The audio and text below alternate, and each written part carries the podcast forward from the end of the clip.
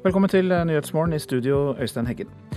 Flere finner feil i den nye helsejournalen sin. Den nye typen journal fikk vi 1.3, og myndighetene ber oss om å sjekke hva som står der. Det har vært en god start på våpenamnestiet. Mange våpen leveres inn. Fire spillere på Elverum håndball pådro seg røde kort med vilje i søndagens kamp mot eh, Lillestrøm. Og barn helt opp i tredje og fjerde klasse kan ikke klokka. Foreldrene passer alltid på tida for dem, sier lærere. Det er altså funnet eh, flere feil i de nye journalene i helsevesenet, selv om de fleste av oss ennå ikke har eh, sjekket det som står, eh, om det stemmer. Fra 1. mars så fikk alle nordmenn sin egen elektroniske journal, en såkalt kjernejournal, slik at viktige helseopplysninger lettere kan hentes fram av ulike deler av helsevesenet. Men 126 personer har allerede funnet feil i sin journal. Nå ber Direktoratet for e-helse oss om å melde ifra dersom vi finner feil, og en av dem som har gjort det, er fastlege Arnulf Heimdal på Kjelsås i Oslo. Det sto at jeg var henvist et par ganger til eh, Oslo universitetssykehus, som ikke har funnet sted. da. Fastlegen er én av 126 personer som har funnet feil i det som heter behandlingshistorikk. Det er litt betenkelig at, eh, at opplysninger der eh, er feil. Da kan man jo lure på hva man egentlig kan stole på der. Denne delen av kjernejournalen inneholder opplysninger om hvor og når du har fått behandling i spesialisthelsetjenesten tidligere. Man kan jo teoretisk sett eh, endre på behandlingsforløpet hvis man tror at en pasient har en eller annen sykdom eller går til utredning for et eller annet som ikke har funnet sted. 200 000 innbyggere har vært inne for å se på behandlingshistorikken i Kjernejournal, ifølge avdelingsdirektør Rune Røren i Direktoratet for e-helse. Blant alle som har fått opprettet Kjernejournalen, utgjør tallet knappe 5 Det er fortsatt en del som ikke har sett på besøkshistorikken, så vi forventer fortsatt at enkelte vil melde feil. Og årsaken til feilen, det har direktoratet kontroll på. Dette er i hovedsak menneskelige feil i innrapporteringen av opplysningene. Men vet folk egentlig hva kjernejournalen er? Nei, det har jeg ikke. Aldri hørt om det. Jeg har bare fått beskjed om at jeg kan finne informasjon der, men utover det så har jeg ikke gått inn og sjekka kjernejournalen. Nei, jeg har ikke peiling. Folk har varierende kjennskap til systemet, og dette tenker de om å finne feil om seg selv. Det tyder jo på at det er noen som ikke har full kontroll. Så lenge det går an å rette opp i det som følger med å ta kontakt med dem, så, eh, så er det bra. Kan jo få feilbehandling og feil medisinering og alt, så det er jo kjempeviktig at det er rett. Tilbake på Kjelsås setter fastlegen spørsmålstegn ved hvor mange som har fått feil i sine kjernejournaler. Antagelig ikke så mange som har vært inne og sjekka dette her, så de feilene som hittil er oppdaget, er vel kanskje bare toppen av isfjellet. Det bør jo kartlegges litt mer hvor omfattende disse feilregistreringene egentlig er. Reporter her var Andreas eh, Trygstad. Pasientombud i Oslo Akershus, Anne Lise Christensen, velkommen hit. Takk. Hva syns du om at eh, folk allerede har funnet feil i disse nye kjernejournalene? Ja, dette skal gi kritisk helseinformasjon som skal brukes hvis vi blir akutt syke, så jeg tenker at dette er langt mer enn litt betenkelig, som denne fastlegen beskriver. Men eh, hvilke følger kan det få? Nei, Det kan jo, som han sier også, få den følge at vi ikke får den behandlingen vi skulle i en akutt situasjon. Og det er jo nettopp det som er meningen med denne kjernejournalen. At det skal stå ting der som kan avgjøre hvilken behandling vi bør få eller ikke få hvis det skjer noe akutt med oss. Hva syns du folk skal gjøre, da? For det første så bør man jo oppfordre alle til å sjekke kjernejournalen. Eh, vi hører jo på oppslaget her at det er veldig få som har gjort det. Og det er klart at sannsynligheten for at det er mange som har feil i journalen, er ganske stor når vi hører de, det som er kommet fram allerede nå. Og så lurer jeg jo litt på Jeg er litt sånn bekymra for, for vi vet jo at vi hører folk på gata. Folk vet ikke at de har en kjernejournal engang. Så sannsynligheten for at alle kommer til å sjekke dette på eget initiativ, tror jeg er ganske liten. Eh, og da må man jo spørre seg hvem er det som sjekker, hvem er det som ikke sjekker, og hvordan kan vi lage systemer som i større grad sikrer at kjernejournalen er nettopp det den skal være, et instrument for bedre helsehjelp. Eh, og jeg har nå tenkt litt på Kanskje fastlegene bør få en mye tydeligere rolle i forhold til oppfølgingen av kjernejournalen. Sånn at vi sikrer for alle pasienter, ikke bare de som er pågående og passer på seg selv, men at for oss alle at det sikres at den informasjonen som ligger der, er korrekt. Men uh, har det vært sånn fram til i dag da, at man har hatt en journal, at den gjerne har ligget hos eh, fastlegen og ikke kommet noe videre? Altså Alle har en journal, både hvis du har vært på sykehuset hos fastlegen din, og de færreste av oss, selv når den bare var i papirutgave, så har jo de færreste av oss vært inne og sett på journalen. Og vi vet jo at det er feil i pasientjournaler. Så jeg tenker at nå når flere blir elektroniske, så vil flere av oss lese gjennom journalen, og så vil vi oppdage feil. Og så vil vi få anledning til å få rettet opp disse. Eh, men det er jo, men som sagt litt tidligere, det er ikke sikkert at alle gjør det. Og det er viktig at vi har et godt system for det, sånn at vi sikrer at den informasjonen som er i kjernejournalen, den er korrekt. Og så er det da fra 1. mars at det har kommet det som da er blitt kalt kjernejournalen. Og da er det vel sånn da at hvor som helst i landet, hvor som helst man beveger seg, så kan et sykehus eller en lege gå inn og sjekke, hvis man selv er bevisstløs, og sjekke eh, medisinsk fortid.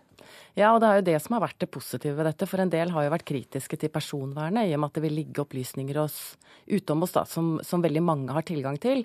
Men det er jo nettopp hvis man faller om på gatene i Tromsø i neste uke, og det er en eller annen type medisin du ikke tåler, så skal legene som behandler deg i Tromsø vite det, selv om du til vanlig er bosatt i Oslo.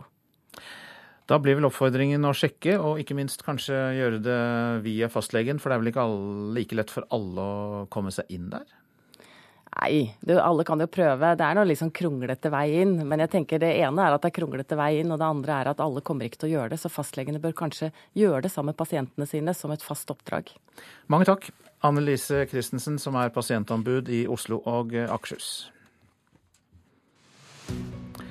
Så tar jeg for meg eh, noen av avisene.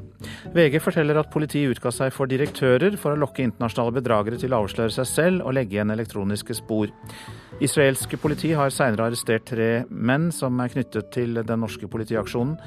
Og den ble satt i verk etter at en norsk direktør i et amerikansk selskap ble lurt til å utbetale en halv milliard kroner til bankkonti i Kina og Hongkong. Barna betaler prisen i Syria, kan vi lese på Dagsavisens forside. Minst 652 barn ble drept i fjor, men det er ikke mulig å få offisielle tapstall, ifølge FNs barnefond UNICEF. Aftenposten tar oss med inn i IS treningsleir i Mosul. Der tok terrororganisasjonen i bruk en jernbanetunnel for å trene opp elitekrigere. Rabbiner samtaler med Hamas, skriver Vårt Land. Den norske overrabbineren Mikael Melchior mener politisk fred er avhengig av religiøs fred, og tror at han er den personen i den jødiske verden som har samtaler med flest radikale muslimske ledere. Samlet inn 600 000 kroner for å få MS-behandling i Mexico, kan vi lese i Adresseavisen. 34 år gamle Elisabeth Foss Kjelle trosset legenes råd og ble frisk gjennom stamcellebehandling mot multiple sklerose. Utmattelse og dobbeltsyn er borte, og nå vil hun jobbe igjen. Pensjonistene taper igjen, er oppslaget i Dagbladet. Ifølge avisa kan trygdeoppgjøret bli en ny skuffelse, og det er de enslige eldre som kan bli hardest rammet. Flere nordmenn sper på pensjonen med sparing i fond, får vi vite i Dagens Næringsliv. Det er rekordstor sparing, og norske fond forvalter over 1000 milliarder kroner. SV avblåser kulturkampen og vil snakke mer om klasse, skriver Klassekampen. Partileder Audun Lysbakken mener kulturkampen er en avledningsmanøver fra høyresida. Nå vil han heller snakke om økonomi og klasse, for å gjøre valgkampen til et oppgjør om økende forskjeller. Åmli-ordfører Reidar Saga er begeistret på Fedrelandsvennens forside. Kommunen er en av fem som kan få fabrikk for biodrivstoff, som kan gi 70 arbeidsplasser. Og det er mye for en bygd med 2000 innbyggere. Men så skal det være mulig, må 55 millioner kroner brukes på å tilrettelegge industritomt. Fire spillere på Elverum håndball pådro seg røde kort med vilje i søndagens 30-22-seier mot Lillestrøm i Eliteserien. Trener Mikael Apelgren innrømmer at det var planlagt på forhånd. For reglene er slik at det å pådra seg rødt kort nå, gjorde spillerne klare til det viktige sluttspillet. Håndballmiljøet reagerer, mens klubbledelsen i Elverum nekter å tro at det har skjedd. Det var i håndballkampen mellom Elverum og Lillestrøm i Eliteserien at fire spillere fra Elverum med vilje fikk rødt kort. Elverum håndballs trener Mikael Apelgren innrømmer at han ba flere av spillerne om å pådra seg rødt kort med vilje, og at de hadde planlagt dette på forhånd. Jeg har ingen god følelse. Hvorfor har du ingen god følelse? Nei, for at jeg, var, jeg, jeg var i en situasjon som var På en måte hva jeg enn gjør, så, så kanskje det er feil. Det var jeg som valgte å gjøre det her, og da det vore fel og konstigt å på, på noe sett si noe annet. Når NRK tar kontakt med daglig leder Erik Henriksen i Elverum håndball, skjønner han lite av uttalelsene til treneren. Treneren deres, Mikael Apgren, sier at dette var en bevisst uh, strategi. Uh, hva tenker du om det? Nei, Det er helt uh, Det kan jeg ikke skjønne. Nå har jeg ikke fått snakke med Mikael, men ut ifra det kjennskapet jeg har til det, så er, virker det helt usannsynlig. Men hva tenker du om at noe slikt kan foregå i håndballen? Ja, Det er i hvert fall ikke noe i nærheten av fair play i så fall. De fire spillerne som med vilje pådro seg rødt kort, hadde rødt kort fra før. Og ved å pådra seg et rødt kort i søndagens kamp, ville de være klare for sluttspillet, hvor det skal spilles viktige kamper. Champions League-plassen ligger der, så at allting avgjøres jo. Og når vi i tillegg bare har best av tre i sluttspillet, så, så kan det rekke med at man eh, åker på noe rødt kort, og så eh, har hele sesongen spolert. Så at eh, da forlorer vi heller for at eh, lagene er bedre oss enn oss, enn at vi ikke maksimerte våre muligheter. Flere har reagert på at dette ikke er fair play og, og, et bevisst forsøk på å unngå reglene, slik at man har sine beste spillere klare til uh, sluttspill. er det ikke kynisk hvis det er det som har foregått? Jo, Hvis det skulle være tilfellet, så er det jo kynisk. Men jeg kan ikke skjønne at det skal være tilfellet. Det er helt ukjent og helt uh, ubegripelig for meg i tilfelle. Harsnum-spiller Erlend Mamelund reagerer kraftig på Elverum-trenerens uttalelser, og synes ikke at det er greit at han har gitt beskjed til spillerne om å pådra seg røde kort med vilje. Noe av det egentlig sjukeste jeg har hørt på lenge i noen verden. Det er helt utrolig. Jeg skjønner ikke at det går an. De velger da å spille på seg fire røde kort for at de skal sone karantene neste match, så de alle er klare til sluttspillet med blanke ark. Det er da unfair overfor alle andre lag som kjemper om nedrykksstriden der og om å komme til sluttspillet. Hva bør gjøres for å få en rettferdig gang videre i denne saken? Jeg regner med at Norges håndballforbund med sine verdier og holdninger til fair play kommer til å straffe deg hardt. Reporter Ali Ikbar Tahir. Dette er Nyhetsmorgen. Om få sekunder er klokka kvart på sju. Og vi har disse hovedsakene. Arbeiderpartiet krever en sertifiseringsordning for politietterforskere og politijurister. Partiet mener det vil styrke kvaliteten på etterforskningen i hele landet. Og vi får mer om det etter klokka sju. Flere finner altså feil i den nye helsejournalen sin, har vi hørt. Den nye typen journal vi fikk 1.3. Og myndighetene ber oss om å sjekke innholdet i den. To personer er sendt til sykehus for sjekk etter en boligbrann i Brevik i Telemark i natt. Det var i alt tre personer i huset, men de kom seg altså ut, selv om to er sendt til sykehus. Det har vært en jevn strøm av folk som vil levere våpen inn til politiet i løpet av de to første ukene i våpenamnestiet. Fram til utgangen av mai kan du levere inn våpen til politiet uten å bli straffeforfulgt eller bøtelagt. Hei. Ja, hei, Her har du lina det opp. ja. På en grå tralle har Katrine Stein ved politiets publikumssenter i Stokke lagt fram noen av våpnene som er innlevert i løpet av de første ukene av våpenamnestiet. Det er mye hagler, det er det først og fremst. Men uh, vi tenker at ethvert våpen ut av omløp, det forebygger kriminalitet og det forhindrer ulykker.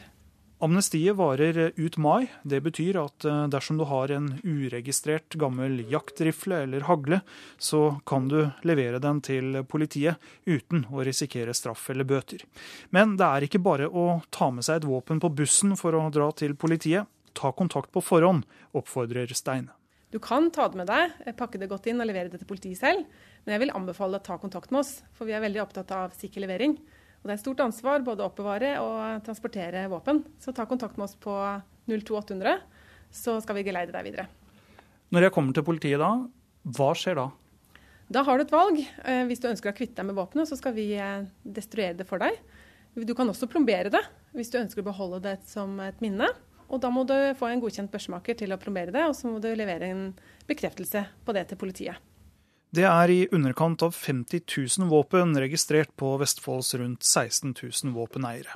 Hvor mange uregistrerte og ulovlige våpen som finnes, er det ingen som vet. Nei, Det er helt umulig å si. Det er klart det er et, et marked der for ulovlige våpen, og det ser vi jo. Men omfanget og antallet, det har jeg, jeg tør nesten ikke spekulere om det. Men de, de våpnene som dere strengt tatt ønsker å få tak i, de blir vel ikke levert her? Eh, nei, kanskje ikke. Eh, dette er et forebyggende tiltak. Eh, dette amnestiet. Så Sånn sett så har jo også politiet både strafferettslige tiltak og kontroller som skal ivareta helheten. Men dette er som sagt et forebyggende tiltak. Katrine, Steen, Katrine Stein var det, ved politiets publikumssenter i Stokke, til reporter Hans Christian Eide. Det er ingen restriksjoner på retoriske våpen i Politisk kvarter, Håvard Grønne? Nei, det har det aldri vært.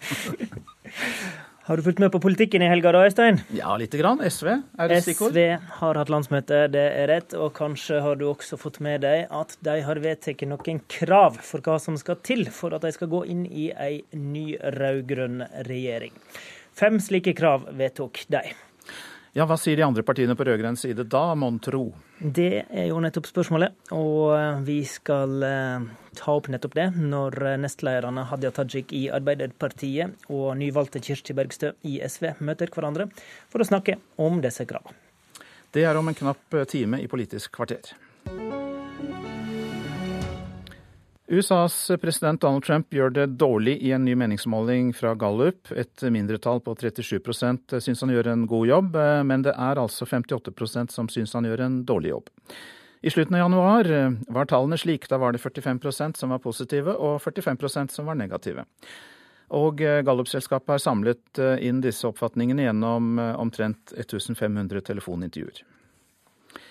Både norske kommunerepresentanter og privatpersoner kan risikere å bli nektet innreise i Israel, skriver Vårt Land. Utenriksminister Børge Brende sier til avisen at han er bekymret over Israels nye lov som nekter innreise for alle som offentlig har oppfordret til boikott av landet, eller lovet å delta i en slik boikott. Forbudet kan komme til å ramme både enkeltpersoner og norske kommuner som har fattet vedtak om boikott av israelske varer fra bosettinger på Vestbredden. Nå om norsk musikk, for den får stadig mer oppmerksomhet i utlandet. Men eh, mange av de største artistene velger å signere med utenlandske plateselskaper, og det fører til at inntektene forsvinner ut av Norge, og at det blir vanskeligere å vokse som musikknasjon, mener musikkforleggere her hjemme. Du har mange dyktige norske låtskrivere og mange dyktige norske artister som eh, nå de senere årene har gjort stor suksess i utlandet. Eh, men mange av de har dessverre helt eller delvis lagt sine rettigheter til selskaper som ikke er norske, i andre land. Det sier Jørn Dahlshow, daglig leder i plateselskapet Da Works. Norsk musikk får mer og mer oppmerksomhet i utlandet. Men flere artister velger å signere med plateselskap utenfor Norge. Noe som gjør at pengene forsvinner ut av landet. Og Dermed så får vi ikke bygget den si, bransjen i Norge som bygger også da kunnskap og nettverk i forhold til internasjonale lanseringer. I en ytring på NRKs nettsider skriver Dalshow at artister som Kygo, Alan Walker, Aurora, Sigrid, Cashmere Cat og Astrid S bare er noen av artistene som har valgt å legge alle eller deler av rettighetsavtalene sine i andre land enn Norge. Og som en løsning på dette problemet ønsker Dalshow at bankene kommer på banen for å låne ut penger eller på andre, annen måte gi noen form for garantier til de musikkforlagene og de plateselskapene som ønsker å være inne eh, og konkurrere om å få de attraktive navnene lagt til eh, Norge, altså få kontraktene deres lagt til Norge. Drar man til London, så har jo sånn som Barclays Bank har vært hos der, de har jo en egen divisjon bare for entertainment.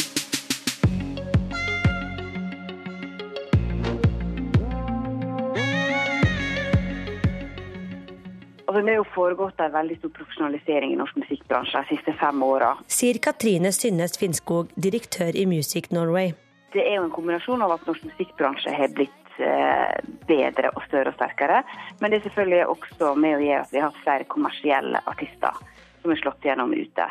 Eh, og da blir man også mer oppdaga kanskje som en leverandør av eh, artisttalent. Det er derfor det haster med å bygge opp en forlagsbransje som kan ivareta og forvalte norske talentheftere.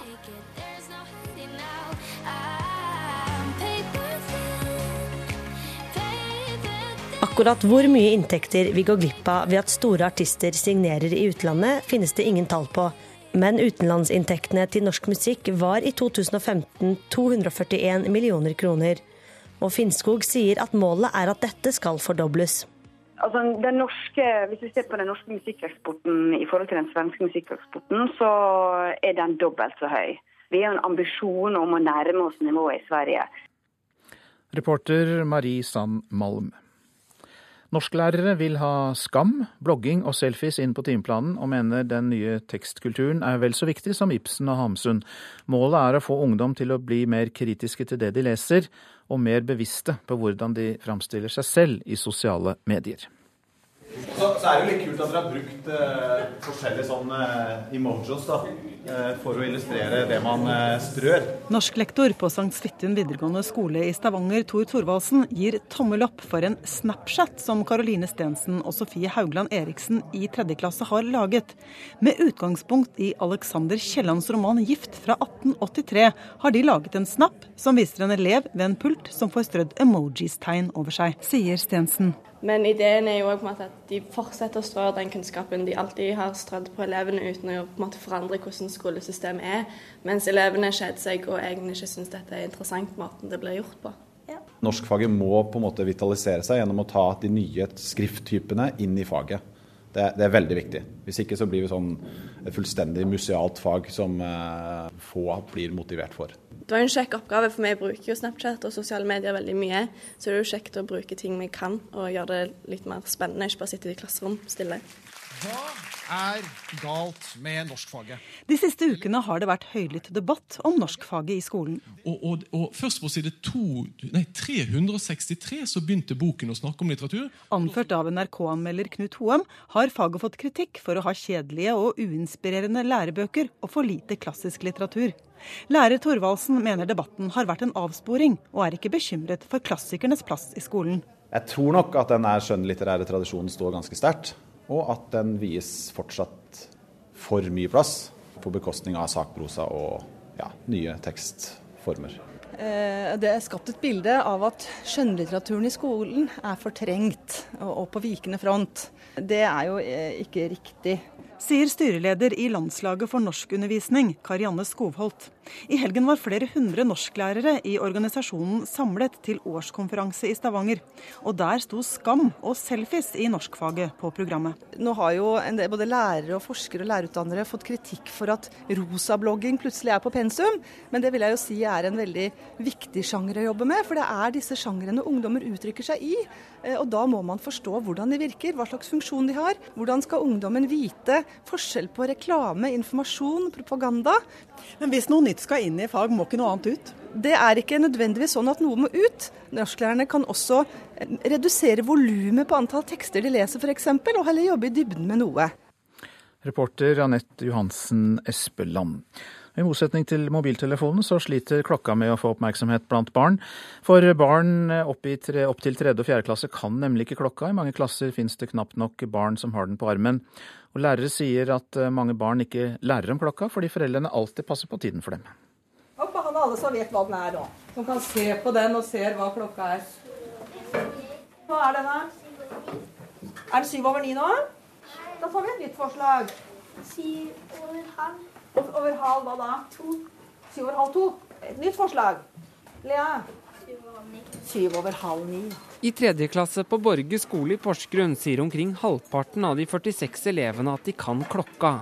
Men når lærer Liv Berit Nuland stiller kontrollspørsmål, faller flere av. Det er en stor andel av barna som ikke mestrer klokka skikkelig.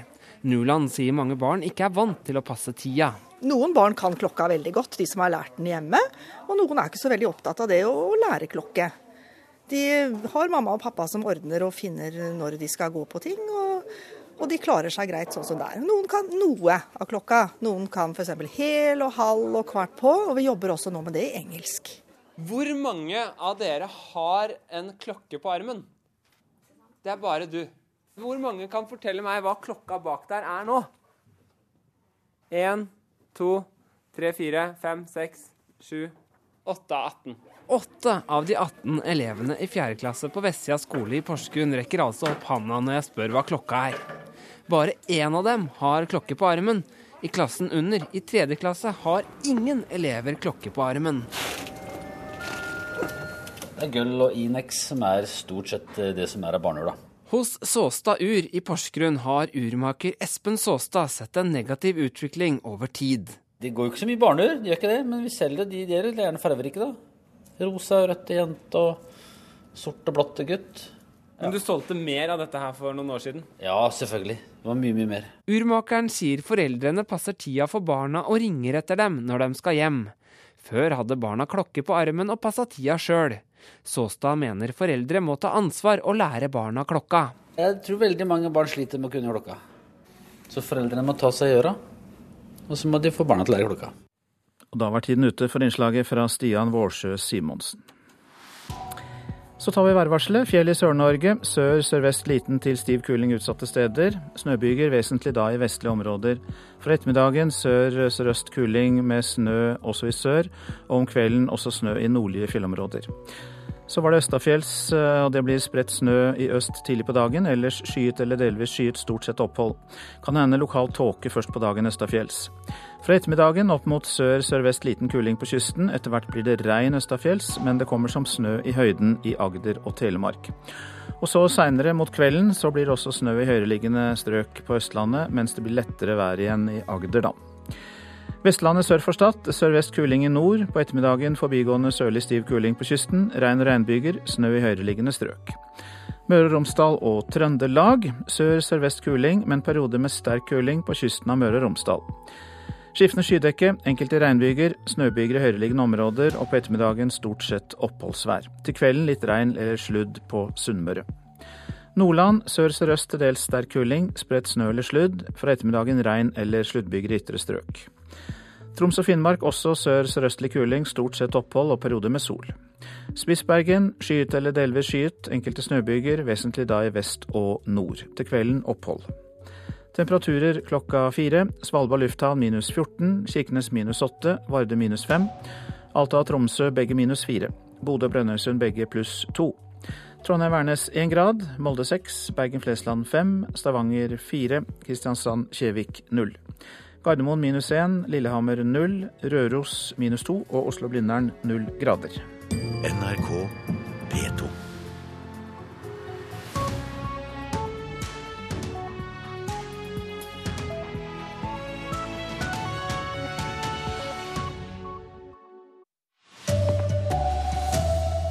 Er funnet flere feil i de nye helsejournalene på nett som alle har fått. Ny massegrav funnet i Mexico. Blant de drepne er en familie på tre. Her er NRK Dagsnytt klokka sju. 126 personer har til nå funnet feil i informasjonen om sin egen helse i den såkalte kjernejournalen. Fra 1. mars har alle nordmenn en elektronisk journal som skal gjøre det enklere å dele viktige pasientopplysninger i helsevesenet. Fastlege Arnulf Heimdal på Kjelsås i Oslo er en av de som har funnet feil om seg sjøl. Det er litt betenkelig at, eh, at, opplysninger der eh, er feil. Da kan man jo lure på hva man egentlig kan stole på der.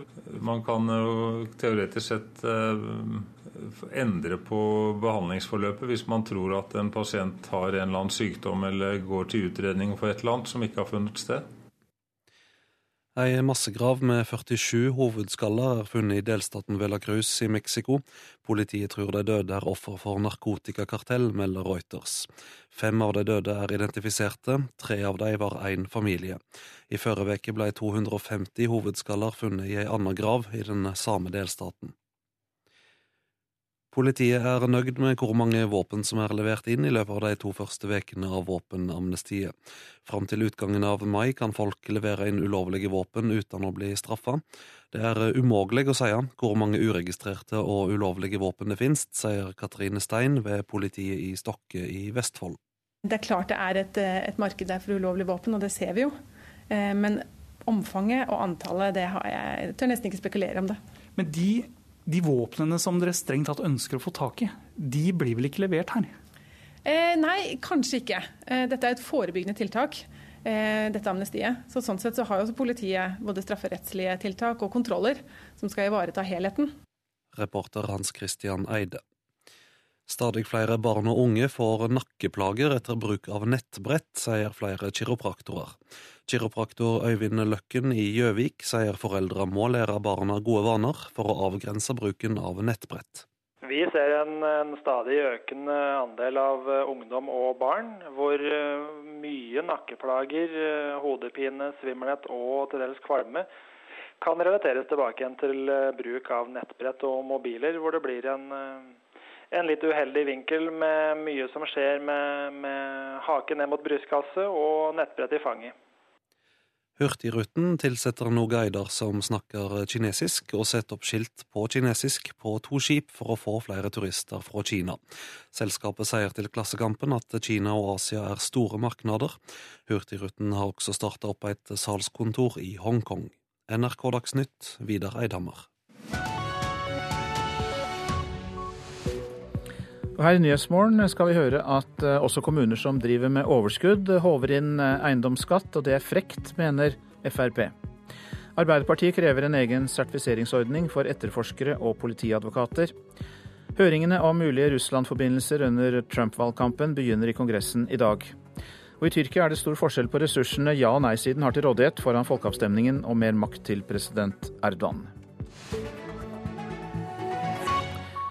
De siste ti årene er antall kommuner med eiendomsskatt på bolig doblet her i Norge. Flere kommuner krever skatt på hus og hytter, selv om de går med solide overskudd.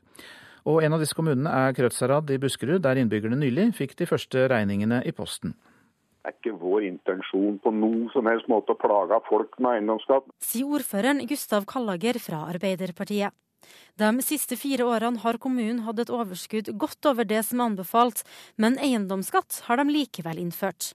Ordføreren sier de trenger friske penger, bl.a. fordi de skal ruste opp omsorgsbygg og skoler. Det er noen ting som vi må gjøre, og OK, da må vi ta et spleiselag. Nå roper Frp varsko. De mener spleiselaget har gått altfor langt. Nei, Det må jo være veldig irriterende for innbyggere å betale tusenvis med kroner hvert år eh, i eiendomsskatt, samtidig som man ser at kommunen sin går med, går med overskudd. Sier kommunalpolitisk talsperson Helge André Njåstad. Jeg forstår veldig godt at, eh, at folk nå begynner å reagere når de ser de kvalresultatene som norske kommuner har, samtidig som de får stadig større eiendomsskattregninger i posten. Ferske tall fra Statistisk sentralbyrå viser at økte skatteinntekter sørga for et solid overskudd i Kommune-Norge i fjor. Frp har sett nærmere på kommunene som over tid har et høyt overskudd, gjeld under gjennomsnittet og skatt på folks bolig. Njåstad mener de rundt 20 kommunene på lista mangler respekt for innbyggernes penger. Når det er kommuner som går i, i kjempeoverskudd samtidig som de har eh, store inntekter fra eiendomsskatt, så er det jo noe eh, galt som, eh, som, ligger der. Da burde man klart seg uten de pengene, og heller latt innbyggerne få beholde mer av egne penger sjøl. Fremskrittspartiet bør se seg sjøl i speilet. Sier Trygve Slagsvold Vedum, leder i Senterpartiet. Fra Høyre og Frp tok over makta i 2013 og fram til nå, har minst 65 nye kommuner innført eiendomsskatt på hus og hytte. Det var fordi det var så mye uro og usikkerhet rundt kommuneøkonomien. Og Det er derfor det har blitt innført så mye eiendomsskatt. Og da bør Frp istedenfor å klage på andre, se på resultatene av egen politikk. Selv om halvparten av de fire Frp-styrte kommunene i Norge har eiendomsskatt, svarer Njåstad følgende på spørsmål om ikke dagens regjering også må ta litt av ansvaret for utviklinga. Nei, det er jo innbyggerne i Norge som velger kommunestyrene sine. og Ved forrige valg så valgte de rekordmange Arbeiderpartiordførere, og det er jo det vi nå ser resultatet av. Tilbake i Krødsherad preller kritikken av på Ap-ordfører Gustav Kallager.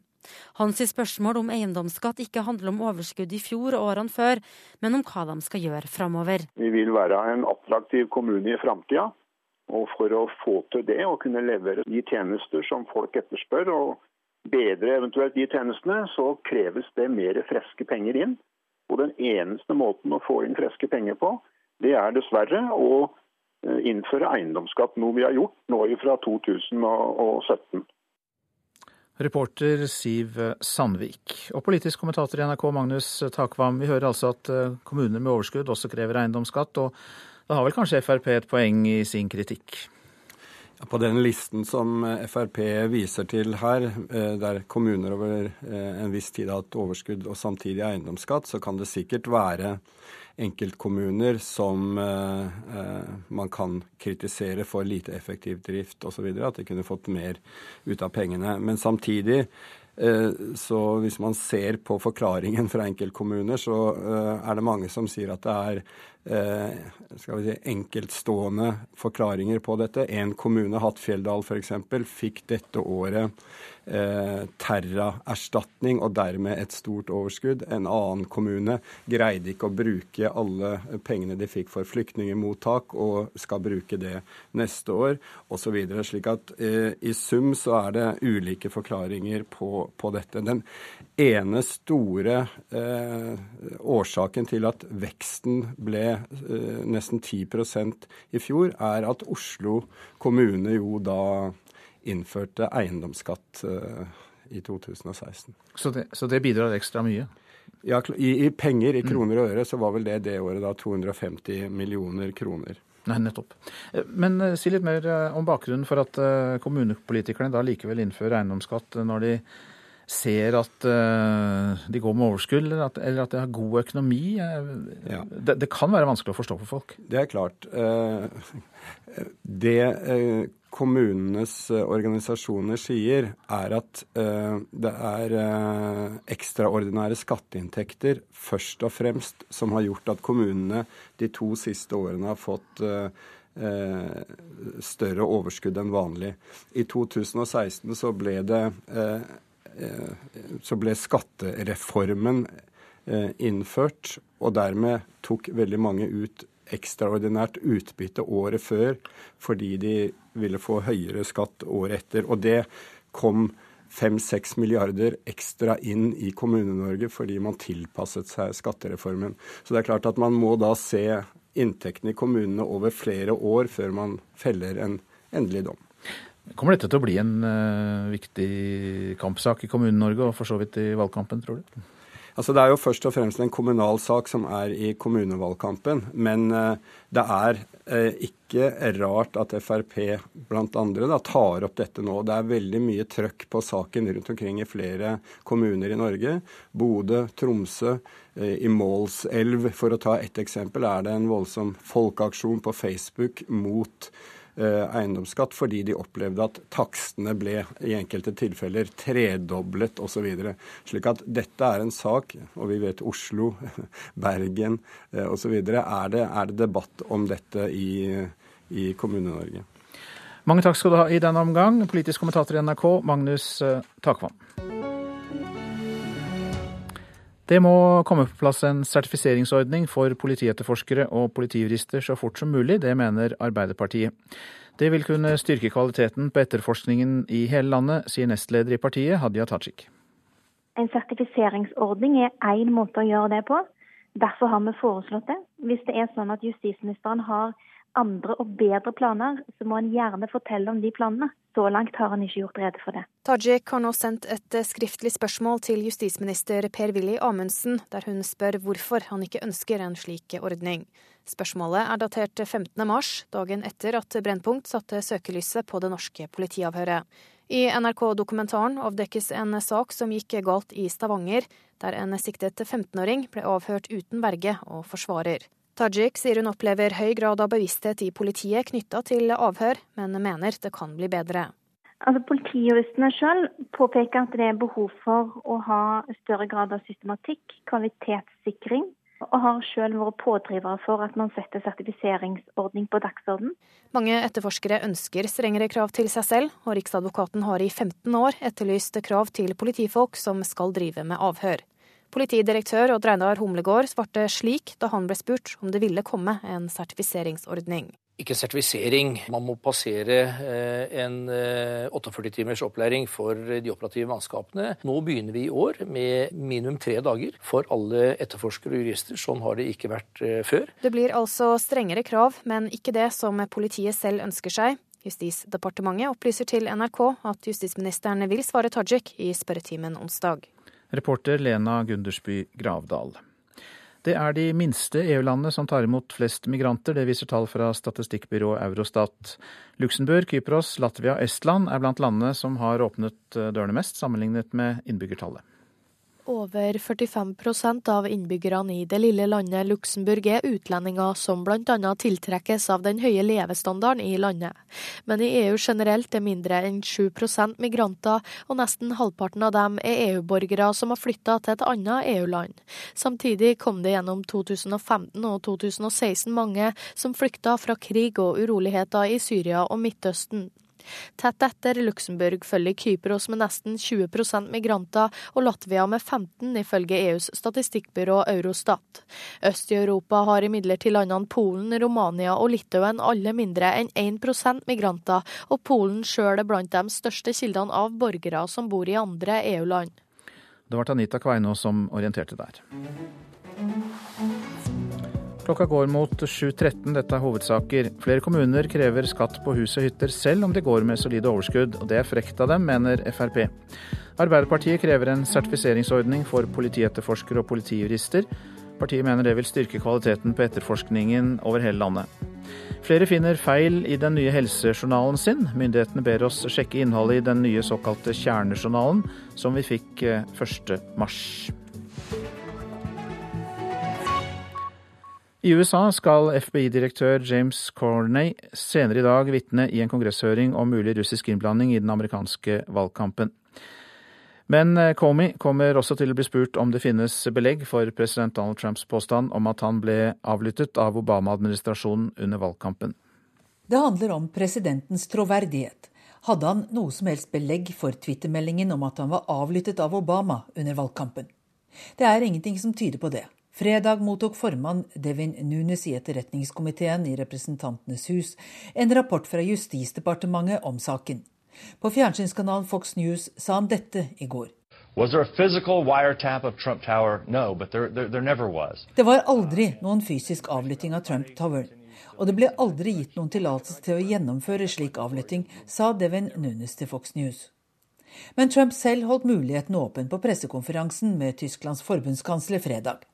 Med referanse til at hennes telefon har vært overvåket av amerikansk etterretning, forsøkte han seg på en spøk. Common, Senere i dag skal FBI-direktør James Comey vitne i etterretningskomiteen som Nunes leder.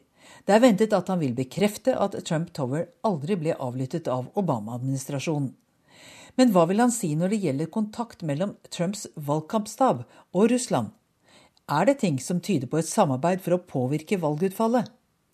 Tidligere har et samlet etterretningsmiljø her i USA konkludert med at Russlands president ga grønt lys for å hacke amerikanske servere, med det formål å svekke Hillary Clintons sjanser til å bli valgt.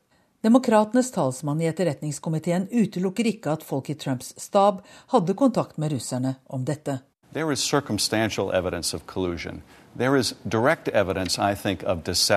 Det finnes indisier på en sammensvergelse. Det finnes direkte bevis på villedelse, sa demokratenes Adam Schiff til fjernsynskanalen NBC i går. Det er der han ønsker å starte granskingen som komiteen nå skal gjennomføre. Men der stopper også enigheten med komitéleder Nunes, som er opptatt av å finne ut hvem som lekket opplysningene om at daværende nasjonale sikkerhetsrådgiver Michael Flynn hadde hatt flere telefonsamtaler med den russiske ambassadøren i USA. Han vil også vite om det har pågått annen overvåking som kan føre til at flere navn på amerikanere blir kjent. Were there any other surveillance activities that were used? Unmasking the names. For example, we know that General Flynn's name was unmasked. So... Ble det brukt noen annen form for overvåking som kan føre til avsløring av navn, spør Nunes. Det er nemlig slik at navn på amerikanere i samtale med utlendinger som avlyttes, ikke skal offentliggjøres, slik det skjedde med Flynn. For øyeblikket synes det ikke å være tverrpolitisk enighet om hva som er viktigst å granske. Hvordan lekkasjene om kontakt med Russland har skjedd, eller omfanget og motivene for slik kontakt. Groholm, Washington. Og velkommen hit, Kjell Granhagen, tidligere sjef for Etterretningstjenesten i Norge. Takk. Ja, Representantenes hus åpner altså sin høring om russisk innflytelse på fjorårets uh, valgkamp. og Eh, hva tror du det er veldig viktig for disse granskerne å få svar på? Ja, jeg tror det er eh, to ting. Eh, for det første så ønsker de å få bekreftet den aktiviteten som Russland faktisk drev i fjor høst, og som ikke bare dreide seg om spionasje, men også en aktiv påvirkning antagelig for å endre resultatet av valget. Men det andre, og som iallfall de demokratiske medlemmene av denne komiteen er opptatt av, det er jo å finne ut om det var Eh, en uregelmessig kontakt mellom eh, Trump-kampanjen og representanter for eh, Russland. Og Det vet vi jo foreløpig ikke så veldig mye om. Vi vet at det har vært kontakt bl.a. mellom Mike Flynn, hans forrige nasjonale sikkerhetsrådgiver, og den russiske ambassadøren. Men det har jo etter hvert også kommet frem opplysninger om flere typer kontakt, uten at vi kjenner innholdet av den. Og Det tror jeg nok mange vil være ute etter å få svar på. Ja, altså Det at russerne vil skaffe seg informasjon informasjon det er én ting, men at det er eh, direkte samarbeid, det er noe annet. Eh, så hvor lett tror du det er å avdekke det? Det er nok ikke så veldig enkelt, for med mindre man da har elektroniske spor å gå etter, og det kan jo selvfølgelig hende man har, så, så vil det være vanskelig. Men nettopp derfor er jo FBI-sjef Comis vitnemål nå i kongresskomiteen veldig viktig. For vi vet jo at FBI har drevet en, en etterforskning av dette, og vi vet at FBI har tilgang til elektronisk informasjon, altså avlytting av telefonsamtaler. Men I hvilken grad tror du Donald Trump selv da, var involvert i kontakten med russerne? Ja, Det vet vi jo lite om, og det er kanskje ikke det viktigste spørsmålet heller. fordi det, det, interessante er jo om Donald Trump var kjent med at hans kampanje hadde kontakt med eh, Russland.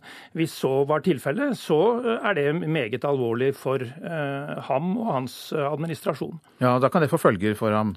Absolutt, det kan få politiske eh, følger og vil veldig fort bli oppfattet som et slags eh, landsforræderi hvis man eh, med viten og vilje lot en fremmed makt være med på å påvirke valget. Men det vet vi altså ikke noe om. Og det er jo noe av Trumps problem her også. Det er jo mangelen på åpenhet gjennom hele den tiden hvor dette har vært kjent. Den ene opplysningen har fremkommet etter den andre. Nye personer er blitt dratt inn i dette, istedenfor at man fra starten av prøvde å legge til rette for en åpenhet åpenhet. Eh, og det øker også mistanken om at det kan være noe som ikke er kjent her ennå. Mm. Eh, og så har vi da dette som er kommet i tillegg, nærmest, at komiteen også skal vurdere påstandene fra Trump da, om at han ble avlyttet av Barack Obamas administrasjon. og Det er jo så langt ikke lagt fram noe bevis for dette. men eh, hva tror du blir resultatet der, hvis du skal spekulere litt? Ja, Det er jo, det er på en måte to uh, muligheter. Uh, enten så er dette bare tatt fullstendig ut av luften og uh, en meningsløs påstand fra Trumps side som bare vil svekke ham. Eh, eller så er det noe i det. Og hvis det skulle være noe i det, eh, så er det jo i så fall fordi at FBI har drevet en eller annen etterforskning rettet mot eh, russiske diplomater, og hvor så Trump eller hans representanter har blitt oppdaget i den sammenhengen. Og hvis så er tilfellet, så trekker jo Trump selv seg dypere og dypere inn i denne affæren, og med de politiske konsekvensene det kan få. Så da er vi tilbake til begynnelsen av vår samtale. Hvis det er tilfellet at det kan knyttes til FBIs overvåkning av russere og republikanere. Ja, Det er i så fall ikke en eh, overvåkning av republikanere, vil jeg tro i utgangspunktet. Men at, at, eh, amerikansk etterretning og FBI driver en avlytting av russiske diplomater, det er helt klart det er en del av oppgaven deres å gjøre det. Og hvis de da tilfeldig skulle komme over uh, samtalepartnere, for å si det sånn, uh, så er det også innenfor uh, det regelverket de opererer etter. Mange takk skal du ha, Kjell Grandhagen, som har vært sjef for Etterretningstjenesten her i Norge. Tyrkias president Recep Tayyip Erdogan fortsetter sine personangrep på Tysklands forbundskansler Angela Merkel med anklager om nazimetoder. Bakgrunnen er jo at tyske myndigheter nektet enkelte tyrkiske ministre å drive valgkamp i Tyskland foran den kommende folkeavstemningen, der Erdogan ber om mer makt. Og du er med oss for å hjelpe oss med dette, korrespondent Sissel Wold fra Istanbul. Hvorfor fortsetter Erdogan med denne retorikken? Jeg tror det har med hans allianse med dette nasjonalistpartiet MHP å gjøre. For å få flertall i parlamentet så måtte regjeringspartiet AKP alliere seg med disse nasjonalistene. Lederne er for et ja, som Erdogan er, men grasrota er ikke det. Så dette partiet er splittet. Og for å fri til de mest ihuga nasjonalistene, eh, og få dem over til eh, å stemme ja, eh, så spiller Erdogan på eh, nasjonalisme og, og, prøver å fremstå som at eh, Europa holder Tyrkia nede. For ja-velgerne er veldig opptatt av å gjøre Tyrkia sterkt igjen. Mange av dem snakker om at eh, Tyrkia blir, eh, som Erdogan sa, tyrannisert av Vesten og EU. Og mange snakker om å gjenreise stoltheten fra det osmanske riket. Eh, dette riket da store deler av Midtøsten og Europa jo ble regjert av sultanene fra Istanbul. I helgen så var Erdogan også rasende over at tyske myndigheter tillot en stor kurdisk marsj for å markere Noros-høytiden. Og der var det flere som gikk med PKK-flagg. Eh, PKK er jo sett på av Tyrkia, men også EU og USA som en terroristorganisasjon. Dette gjorde jo Erdogan rasende, og han begynte å snakke om at om de, altså tyskerne, ikke var så ille berørt, så ville de gjenåpne gasskamrene igjen. Eh, ledere i Tyskland reagerer med avsky. Dette er en, et høyt spill fra Erdogan. For Tysklands utenriksminister sa i helgen at Tyrkia aldri har vært lenger unna et EU-medlemskap enn nå. Så Erdogan fjerner Tyrkia fra Europa med denne retorikken. Kraftig språkbruk, men eh, det er jo også interessant å se på den store forskjellen på ressurser og midler som de to sidene har til rådighet i valgkampen innad i Tyrkia. Da. Eh, hvordan kommer det til uttrykk? Ja, det er eh, helt utrolig. For ja-siden er jo massivt til stede overalt. Ja-siden, som da er regjeringen og presidenten, har penger fra statskassen. Eh, overalt ser vi enorme plakater med vett, ja, bannere over hele landet. Mens nei-siden synes nesten ikke i det hele tatt. Jeg har sett noen klistremerker her og der. Én plakat henger på hovedgaten Istiklal. Eh, ja-siden har også tilgang til alle TV-kanalene. Alle nyhetskanalene bryter sine programmer hvis Erdogan eh, taler, f.eks. Det har jeg sett. Mens nei-siden kommer ikke til eh, orde i det hele tatt. De bruker sosiale medier. En parlamentariker fra opposisjonspartiet CHP som jeg snakket med, hadde studert statistikken. Han mener at ja-siden dominerer 85% av tiden, mens om nei-siden er heldig, så kommer de til orde ja, 25% eller 15% av tiden, mener han. Hvem er det som er på nei-siden? Ja, Vi har dette opposisjonspartiet CHP, som er grunnlagt av landsfader Mustafa Kemal Atatürk. Vi finner også mange typer NGO-er, altså privatpersoner. Blant annet så er lederen for Advokatforeningen i Tyrkia ute på en privat eh, nei-kampanje. Eh, veteraner fra Hæren, aktivister fra Gezi Park-opprøret, mange akademikere som er oppsagt. Eh, dette er jo folk jeg har kommet over som sier at de skal være aktivt med på nei-siden. Det store, store spørsmålet er HDP, kurdisk, det prokurdiske partiet. Hva vil kurderne stemme?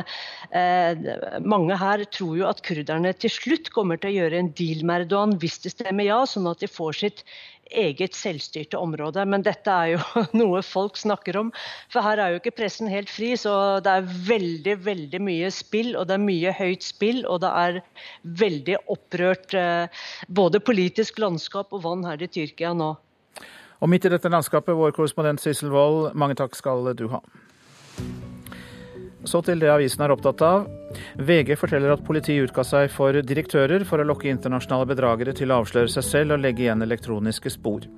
Israelsk politi har senere arrestert tre mann som er knyttet til den norske politiaksjonen. Og den ble satt i verk etter at en norsk direktør i et amerikansk selskap ble lurt til å utbetale en halv milliard kroner til bankkonti i Kina-Hongkong. Barna betaler prisen i Syria, kan vi lese på Dagsavisens forside. Minst 652 barn ble drept i fjor, men det er ikke mulig å få offisielle tapstall i Syria, ifølge FNs barnefond. Aftenposten tar oss med inn i IS treningsleir i Mosul. Der tok terrororganisasjonen i bruk en jernbanetunnel for å trene opp elitekrigere. Rabbiner samtaler med Hamas, skriver Vårt Land. Den norske overrabbineren Mikhail Melkjord mener politisk fred er avhengig av religiøs fred, og tror han er den personen i den jødiske verden som har samtaler med flest radikale muslimske ledere. Samlet inn 600 000 kroner for å få MS-behandling i Mexico, kan vi lese i Adresseavisen. 34 år gamle Elisabeth Foss Kjelle trosset legenes råd og ble frisk gjennom stamcellebehandling mot multiple sklerose. Utmattelse og dobbeltsyn er borte, nå vil hun jobbe igjen. Pensjonistene taper igjen, det er oppslaget i Dagbladet. Ifølge avisa kan trygdeoppgjøret bli en ny skuffelse, og det er de enslige eldre som kan bli hardest rammet. Flere nordmenn sper på pensjonen med sparing i fond, får vi vite i Dagens Næringsliv. Det er rekordstor sparing nå, og norske fond forvalter over 1000 milliarder kroner. SV avblåser kulturkampen og vil snakke mer om klasse, skriver Klassekampen. Partileder Audun eh, Lysbakken mener kulturkampen er en avledningsmanøver fra høyresiden, så han vil heller snakke om økonomi og klasse for å gjøre valgkampen til et oppgjør om økende forskjeller her i landet. Høyre vil la dagligvarebutikkene selge sterkøl, men de møter motstand fra fagfolk. Høyres landsmøte gikk jo nylig inn for at butikkene skal få selge øl med opptil 5,5% alkohol, men helsearbeidere er skeptiske til eh, forslaget, mens forbrukerne er mer positive. Hvis folk vil ha alkohol, så får de tak i det uansett. Jeg skjønner jo det hvis det er langt til polet f.eks. At det er lettere å bare kunne gå ned til en matbutikk og handle alkohol her. Kunder i Førde er litt ambivalente til å få sterkere øl i butikken. Dersom Høyre får det som de vil, kan butikkene selge øl med en alkoholprosent på 5,5, som er en øke fra dagens grense på 4,7. Heistøret åpner seg på øre-nese-hals-avdelinga på Førde sentralsykehus. Der jobber overlege Einar Solheim, som forteller at han ser alkoholrelaterte skader hver eneste helg. Jeg ser jo mest de akutte skadevirkninger av alkohol da, i jobben min med resultatet av helgefylla og eh, skade i ansikt og brudd i ansikt, kjeve, nese osv. Solheim er ikke bare lege, han er òg politiker for Arbeiderpartiet. Vi mener at en restriktiv alkoholpolitikk er en eh, solidaritetspolitikk der en tar hensyn til både barn og ungdom. Vi tar hensyn til personer som har et etablert rusproblem. Helsepolitisk talsperson i Høyre, Tone Trøen, er samd i en restriktiv alkoholpolitikk, og tror ikke at dette vedtaket er det første steget i ei liberalisering. Men når hevingen kun blir på 0,8% så anser jeg det som en mindre justering. Ingeborg Rossov i Folkehelseinstituttet er usikker på om auken er stor nok til at det vil ha noen merkbare konsekvenser for folkehelsa, men hun forteller at det er gjort slike funn i Sverige. Eh, men da har endringen i alkoholprosenten vært mye større når man har eh, flyttet eh, sterkøl ut og inn av butikkene. Men da har man altså funnet at det har hatt betydning for eh, folkehelsen og omfanget av alkoholrelaterte skader. Reporter Sigrid Sørumgård Bottheim. Ja, det er Ulf Tannes Fjell som er produsent for Nyhetsmorgen. Her i studio, Øystein eh, Heggen. En lege i Sudan er kåret til eh, et av verdens mest innflytelsesrike mennesker av Time Magazine. Møt legen som har ansvaret for 750 000 mennesker i reportasjen etter Dagsnytt.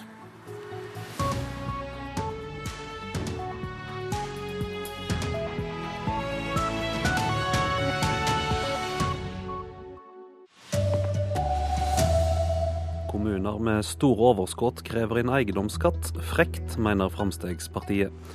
Det er funnet flere feil i den nye helsejournalen på nett. Pasientombudet frykter alvorlige konsekvenser. Og mange barn kan ikke klokka. Her er NRK Dagsnytt klokka 7.30 med Litleviseren mellom 7 og 8 og Storviseren rett ned. Det har blitt eh, dobbelt så mange kommuner med eiendomsskatt de siste ti åra. Flere kommuner krever skatt på hus og hytter, sjøl om de har store overskudd. En av de er Krødsera i Buskerud, der folk har fått de første regningene i posten. Det er ikke vår intensjon på noen som helst måte å plage folk med eiendomsskatt. Sier ordføreren Gustav Kallager fra Arbeiderpartiet. De siste fire årene har kommunen hatt et overskudd godt over det som er anbefalt, men eiendomsskatt har de likevel innført. Ordføreren sier de trenger friske penger, bl.a. fordi de skal ruste opp omsorgsbygg og skoler. Det er noen ting som vi må gjøre, og OK, da må vi ta et spleiselag. Nå roper Frp varsko. De mener spleiselaget har gått altfor langt. Nei, Det må jo være veldig irriterende for innbyggere å betale tusenvis med kroner hvert år eh, i eiendomsskatt, samtidig som man ser at kommunen sin går med, går med overskudd. Sier kommunalpolitisk talsperson Helge André Njåstad. Jeg forstår veldig godt at, eh, at folk nå begynner å reagere når de ser de knallresultatene som norske kommuner har, samtidig som de får stadig større eiendomsskattregninger i posten. Ferske tall fra Statistisk sentralbyrå viser at økte skatteinntekter sørga for et solid overskudd i Kommune-Norge i fjor. Frp har sett nærmere på kommunene som over tid har et høyt overskudd, gjeld under gjennomsnittet og skatt på folks bolig. Njåstad mener de rundt 20 kommunene på lista mangler respekt for innbyggernes penger. Når det er kommuner som går i, i kjempeoverskudd samtidig som de har eh, store inntekter fra eiendomsskatt, så er det jo noe eh, galt som, eh, som, ligger der. Da burde man klart seg uten de pengene, og heller latt innbyggerne få beholde mer av egne penger sjøl. Altså, han forholder seg jo da til historikk vi må jo se framover. Svarer ordføreren i Krødsherad på kritikken fra Frp. Der er det ingen planer om å fjerne skatten de nylig har innført. Men vi rigger oss for framtida. Reporter Siv Sandvik. Politisk kommentator Magnus Takvam, mener du Fremskrittspartiet har et eh, poeng med kritikken? Så de kan sikkert ha eh, rett i at enkeltkommuner på, på denne listen driver lite effektivt og kunne brukt eh, inntektene sine bedre. Men hovedforklaringen jeg i hvert fall får i kommunenes organisasjoner på det ekstraordinært gode økonomiske året i fjor, er at man fikk inn 5-6 milliarder ekstraordinært i skatteinntekter det året fordi man tilpasset seg skattereformen der utbytteskatten ville bli høyere året etter. og Da tok man ut eh, veldig mye utbytte, og dermed fikk også kommunene slike ekstra store inntekter. Så man må se inntektsutviklingen mer over tid, blir det sagt, før man feller noen endelig dom. Da. Hvor viktig sak er eiendomsskatt i Kommune-Norge nå? Altså, I mange kommuner er det en uh, het politisk sak. Nå har etter hvert 80% av norske kommuner innført uh, eiendomsskatt.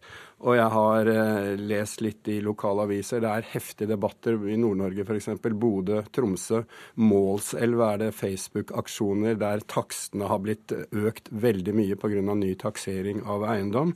Så i mange kommuner er dette en, en stor, stor debatt i øyeblikket, ja. Takk skal du ha, politisk kommentator Magnus Takvam. Det er eh, funnet flere feil i den nye kjernejournalen i helsevesenet. Den elektroniske journalen skal gjøre det enklere å dele opplysninger i helsevesenet. Fastlege Arnulf Heimdal er en av de som har funnet feil om seg sjøl. Det sto at jeg var henvist et par ganger til eh, Oslo universitetssykehus, som ikke har funnet sted. da. Fastlegen er én av 126 personer som har funnet feil i det som heter behandlingshistorikk. Det er litt betenkelig at, eh, at opplysninger der eh, er feil. Da kan man jo lure på hva man egentlig kan stole på der. Denne delen av kjernejournalen inneholder opplysninger om hvor og når du har fått behandling i spesialisthelsetjenesten tidligere. Men vet folk egentlig hva kjernejournalen er? Nei, det har jeg ikke. Aldri hørt om det. Kjernejournalen? Nei, jeg har ikke peiling. 200 000 innbyggere har vært inne for å se på behandlingshistorikken i Kjernejournal, ifølge avdelingsdirektør Rune Røren i Direktoratet for e-helse. Blant alle som har fått opprettet Kjernejournalen, utgjør tallet knappe 5 Det er fortsatt en del som ikke har sett på besøkshistorikken, så vi forventer fortsatt at enkelte vil melde feil. Dette er i hovedsak menneskelige feil i innrapporteringen av opplysningene. Tilbake på Kjelsås setter fastlegen spørsmålstegn ved hvor mange som har fått feil i sine kjernejournaler. Antagelig ikke så mange som har vært inne og sjekka dette her, så de feilene som hittil er oppdaget, er vel kanskje bare toppen av isfjellet. Reporter Andreas Trygstad. Og pasientombud i Oslo og Akershus, Annelise Christensen, frykter feil i kjernejournalen kan få alvorlige konsekvenser. Nei, Det kan jo, som han sier også, få den følge at vi ikke får den behandlingen vi skulle i en akutt situasjon. Og det er jo nettopp det som er meningen med denne kjernejournalen. At det skal stå ting der som kan avgjøre hvilken behandling vi bør få eller ikke få hvis det skjer noe akutt med oss.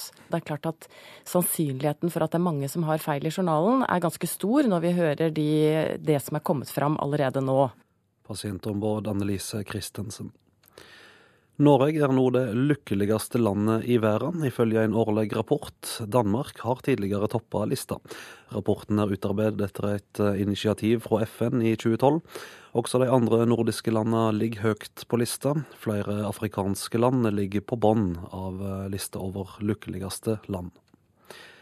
Mange i håndballmiljøet reagerer sterkt på at fire spillere på Elverum fikk rødt kort med vilje i kampen mot Lillestrøm i går. Trener Mikael Apelgren vedgår at det var planlagt på førerhånd, slik at spillerne ville stille med blanke ark i sluttspillet. Det var i håndballkampen mellom Elverum og Lillestrøm i Eliteserien at fire spillere fra Elverum med vilje fikk rødt kort.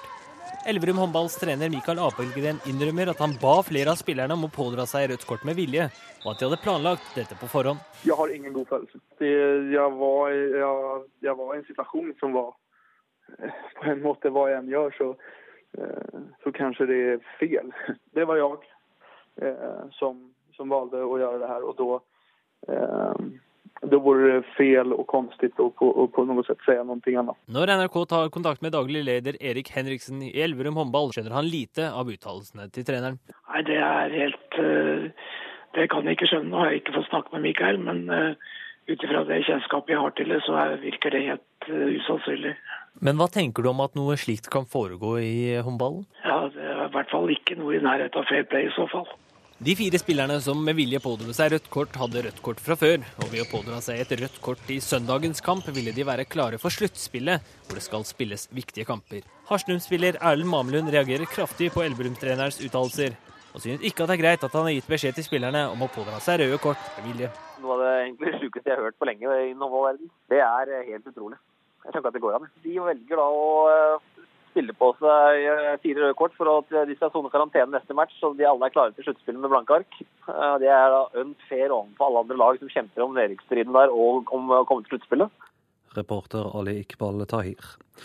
Mange barn i tredje og fjerde klasse kan ikke klokken. Lærerne sier mange barn ikke lærer om klokken, fordi foreldre alltid passer tida for dem.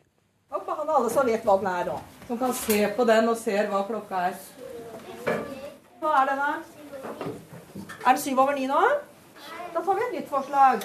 Syv over halv. Over halv hva da? To. Syv over halv to. Et nytt forslag. Lea? Syv over halv ni. Syv over halv ni. I tredje klasse på Borge skole i Porsgrunn sier omkring halvparten av de 46 elevene at de kan klokka. Men når lærer Liv Berit Nuland stiller kontrollspørsmål, faller flere av.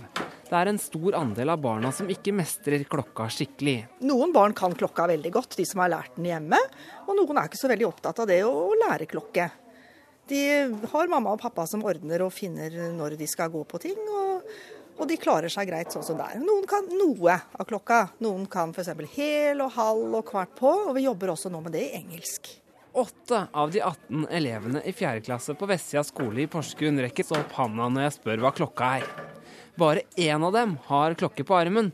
I klassen under, i tredje klasse, har ingen elever klokke på armen. Hos Såstad Ur i Porsgrunn har urmaker Espen Såstad sett en negativ utvikling over tid. Det går jo ikke så mye barneur, de gjør ikke det, men vi selger de det gjelder. Det er gjerne farverike, da. Urmakeren sier foreldrene passer tida for barna og ringer etter dem når de skal hjem. Før hadde barna klokke på armen og passa tida sjøl. Såstad mener foreldre må ta ansvar og lære barna klokka. Jeg tror veldig mange barn sliter med å kunne klokka. Så foreldrene må ta seg i øra, og så må de få barna til å lære klokka. Reporter Stian Worsø Simonsen. Dagsnytt går mot slutten. Begge klokkeviserne nærmer seg nå åtte. Ansvarlig for sendinga Elin Pettersen. Her i studio Vidar Eidhammer.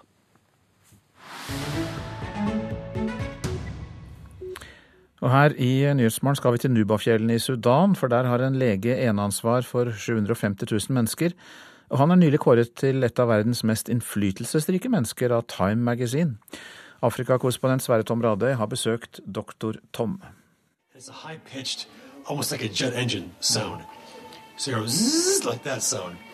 Den lyden glemmer du ikke så lett, sier doktor Tom. Da løper du i dekning og teller til ti. Okay? En pasient krever doktor Toms oppmerksomhet. Blindtarmen er fjernet, men hun har fremdeles vondt. Tom Katena vet godt hvem som opererte. Han har vært den eneste legen i Nubafjellene i mer eller mindre de siste ni årene. Lege og pasient snakker sammen på en variant av arabisk, et linga franca i store deler av det gamle Sudan. Thomas Catena kom hit i 2008. Resten er historie. En historie som fikk ham inn på Times liste over de 100 mest innflytelsesrike menneskene i verden i 2015. So, out that? Yeah. Uh, you know, the, the, the, nobody has ever come to the mountains from the outside and said, I don't like it there. I don't want to go back. Every single person I've known that's come from any country outside of here that comes here says, I want to go back to Nuba. I want to go back and see that place. The people were so nice. They were so genuine, so friendly. Uh, it's a very welcoming place. They don't look at you as being someone superior to them. No, they take you as you are, which I appreciate. They take you as you are. Det er menneskene her, sier doktor Tom. Du glemmer dem ikke, du vil tilbake. De er åpne, stolte, selvstendige og varme. Sør-Kordofan heter området på kartet. Her kjemper de for indre selvstyre og mot det de kaller en arabisering av landet, med sharialover og manglende frihet.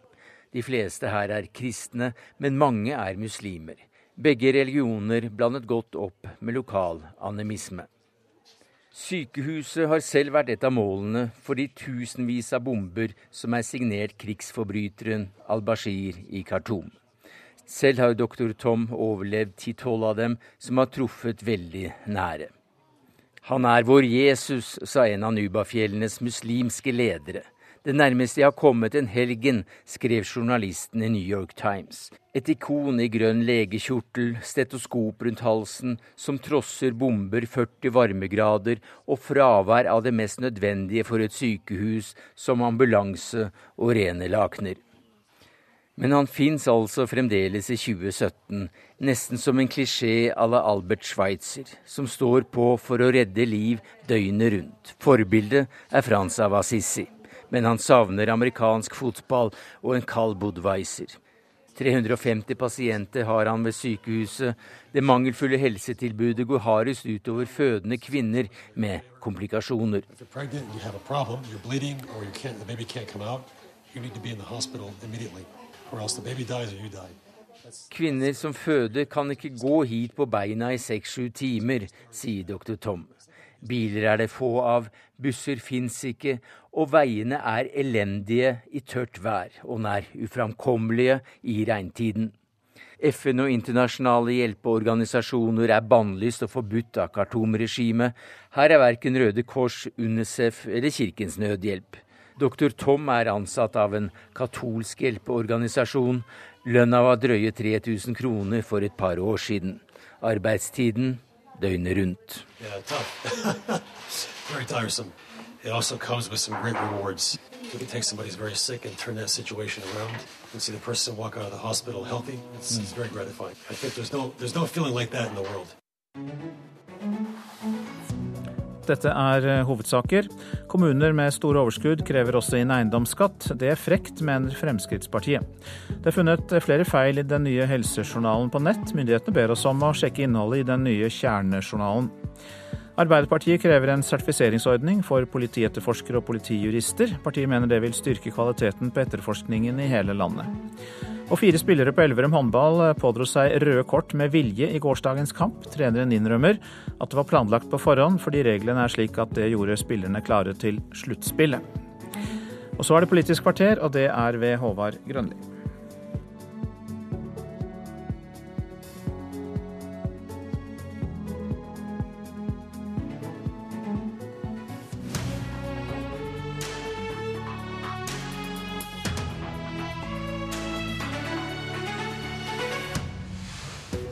SV brukte helga til å vedta ei kravliste som har Arbeiderpartiet som adressat. De første reaksjonene tyder på lite begeistring fra Ap. Men hva sier de til hverandre når de møtes her i studio? Det er slikt vi har Politisk kvarter til å finne ut av. Aller først får vi gratulere deg som nyvalgt nestleder i SV, Kirsti Bergstø. Tusen takk for det. SVs kravliste handler om hva som skal til for at partiet går med i en ny rød-grønn regjering. Dersom det er flertall etter valget, skal SV aller først gi, eh, gi si stemme til å kaste Høyre-Frp-regjeringa, lover partiet. Så skal de forhandle, og da har de fem absolutte krav for å delta i regjering, vedtok partiet i helga. Kravene er økt barnetrygd, kutte klimautslipp og frede Lofoten, et nasjonalt krav som sørger for flere lærere, forbud mot å ta ut overskudd på velferdstjenester, og at en ny regjering skal jobbe for internasjonalt forbud mot atomvåpen. Vi skal ta kravene litt i detalj, men overordna først, Bergstø. Hvor absolutt skal vi forstå disse kravene? Er det alt eller ingenting? Dette er våre krav, eh, som vil være en eh, inngangsbillett eh, for et regjeringssamarbeid. Og Det handler jo om at visst skal vi få kasta vekk Høyre og Frp og den forskjellspolitikken som preger landet vårt nå, men vi må også sørge for at det blir en reelt sett ny politisk kurs for landet vårt. Og Da må vi være trygge på at vi får politikk der det er viktig at politikken treffer, at vi får forskjellene ned, færre fattige unger, flere lærere inne i skolen, at klimautslippene går ned, eh, og eh, at de store pengene blir brukt på velferd istedenfor eh, privat profitt. Så da, da lurer jeg på, må alle disse fem være innfridd for at inngangsbilletten skal være løst? Vi sier at, at, de fem kravene, det er det vi skal ha på plass. Og så skal vi jo forhåpentligvis forhandle om en regjeringserklæring etter det, med resten av innholdet. Hva regjeringa skal, skal endre av politikken. Det høres absolutt ut, spør du meg. Hadia Tajik, nestleder i Arbeiderpartiet, god morgen. God morgen. Fins det noe på SVs kravliste som du tenker at ja, det var fornuftig, det syns jeg en ny regjering skal gjennomføre? Jeg syns i hvert fall at uh, kravslisten deres ikke er skremmende eller overraskende. Altså De prioriterer fordeling og få ned klimautslipp og jobbe for en atomvåpenfri verden. Og her er vi jo enige om veldig mange av målene. Og så kan det hende at vi må diskutere virkemidlene noe. Men grunnleggende sett så ønsker vi å ta Norge i en retning der man løser de store oppgavene i fellesskap. Og jeg er glad for at vi er enige om at vi trenger å bytte ut eh, Høyre- og Fremskrittsparti-regjering. Vi tar eh, noen av detaljene, da. Eh, la oss starte med kravet som egentlig ikke var foreslått av SV-ledelsen, men som landsmøtet fikk inn, nemlig at en ny regjering må straks sette i gang arbeidet for et atomvåpenforbud. Her er det internasjonale prosesser på gang. Hva er klokskapen Bergstø, i at en ny regjering skal ta et slikt standpunkt umiddelbart? Klokskapen ligger i at en ny regjering skal gå inn i de forhandlingene som foregår. Eh, og Det er jo fordi at generalforsamlinga i FN vedtok i fjor med et overveldende eh, flertall å starte forhandlinger eh, om atomvåpenforbud. Og Der er alle land invitert til å delta. Og SV mener at det er klok, det er riktig og det er viktig at Norge tar tydelig stilling og går inn i forhandlingene med mål om å forby atomvåpen. Vil Arbeiderpartiet ha et atomvåpenforbud, Tajik? Vi ønsker å jobbe for det, og vi mener at det er et langsiktig mål å eh, få et forbud mot eh, atomvåpen. Eh, men eh, det er jo ikke mulig å ensidig vedta det fra norsk side. Det er jo noe man er nødt til å samarbeide med andre land om, og ikke minst eh, gjennom Nato få til en balansert nedrustning. Eh, som òg kan være verifiserbar, så man sikrer at det ikke er reversibel seinere. Eh, og Det er en ganske møysommelig prosess. og Norge kan klart ta en pådriverrolle i det. Det ønsker òg Arbeiderpartiet. Men leser du at eh, SV ønsker ensidig nedrustning? Jeg leser i hvert fall at, det er, eh, altså at vi ønsker å gå i samme retning. Vi ønsker et eh, atomvåpenforbud. Men jeg fra Arbeiderpartiet sin side vil understreke at det er nødt til å være et eh, langsiktig mål. Eh, fordi vi er nødt til å samarbeide med andre land for å få dette til. Ok, Et langsiktig mål, Bergstø. Ikke en umiddelbar eh, konsekvens, som Tajik peker Men skal man nå langsiktige mål, så må arbeidet starte umiddelbart. Eh, for her er det jo allerede 127 land som har sagt og som har vedtatt at man mener det er uakseptabelt at atomvåpen er lovlig. Og at det derfor trengs et internasjonalt forbud. Og Blant de landene så har vi nabolandet vårt Sverige, vi har Nato-landet Nederland, vi har atomvåpenstaten Kina. Eh, og da er det jo eh, en større ensidighet å stille seg på sida av det fellesskapet, istedenfor å utfordre eh, verdenssamfunnet, og utfordre også innenfor Nato-alliansen. Og Derfor er SV tydelig på at vi er nødt til å ta del i det, og ta stilling i spørsmålet og lede Men... an. Regjeringa har vært kritisk til dette fordi det strider mot norsk Nato-politikk. og Du hører noen av de samme holdningene fra Tajik her. Hvorfor er det klokt å ruste ned ensidig, mens eh, resten av verden ruster opp? Her er det klokt å ta del i internasjonale forhandlinger med mål om et internasjonalt atomvåpenforbud. Eh, og så syns jeg det er krevende å forholde seg til en eh, posisjon som sier at eh, man er for et internasjonalt forbud mot atomvåpen, men først når alle atomvåpen er borte, på mirakuløst vis. Hvis man skal få på plass et internasjonalt forbud, ja, så bør det jo jobbes med nedrustning og forbud parallelt. Og så er det klart klart at det her er ikke gjort over natta. Det er eh, krevende arbeid okay. som eh, står eh, foran oss, men da må man gripe fatt i det. I Aps forslag til partiprogram har du skrevet Tajik, at det endelige målet bør være ei vær uten kjernevåpen. Da må ja. vel noen starte, da? Altså, Og Nato ønsker en atomvåpenfri verden. Men det som jo er viktig, er at man ikke ruster ned ensidig. Altså Alle atomvåpenmakter må være med. Arbeiderpartiet har òg vært med på å drive fram et bredt forlik på Stortinget om akkurat dette. At man etablerer prosesser for å gå i retning av et forbud. Der vi understreker nettopp hvor viktig det er at man har en balansert tilnærming. Så har Arbeiderpartiet, når vi har sittet i regjering, òg bidratt til forbud til eh, antipersonellminer og klasevåpen. Så dette er noe vi har erfaring med å gjøre. Vi tar neste tema. Hvorfor er det klokt å nekte folk å tjene penger på velferd, f.eks. barnehagedrift, Bergstø? Folk som jobber i barnehagen eh, skal få lønna si og tjene penger. Men Det det, vi godt. vi vil gjøre, det er å stoppe eiere sin mulighet til å ta ut profitt fra velferdstjenester som er skattefinansiert. Eh, Og det handler om at de eh, skattepengene som går til velferd, ja, dem skal gå til velferd og ikke til profitt. Tajik, hvorfor er det viktig å sikre at private eiere kan ta ut så høy fortjeneste de vil på tjenester som de driver på oppdrag fra fellesskapet? Det er egentlig ikke det det handler om. Altså, det handler om å ha gode barnehagetilbud eh, til de som trenger det. Og, og det sikrer du gjennom at, eh, at folk får tatt ut fortjeneste? Altså Nesten 46% av alle unger i Norge i dag går i barnehager som er private. Så de utgjør altså en ganske stor andel av eh, barnehagetilbudet. Det som er viktig for Arbeiderpartiet, er at vi kan stille like krav til offentlige og, barn og private barnehager når det gjelder kvalitet, når det gjelder bemanning, når det gjelder åpningstider.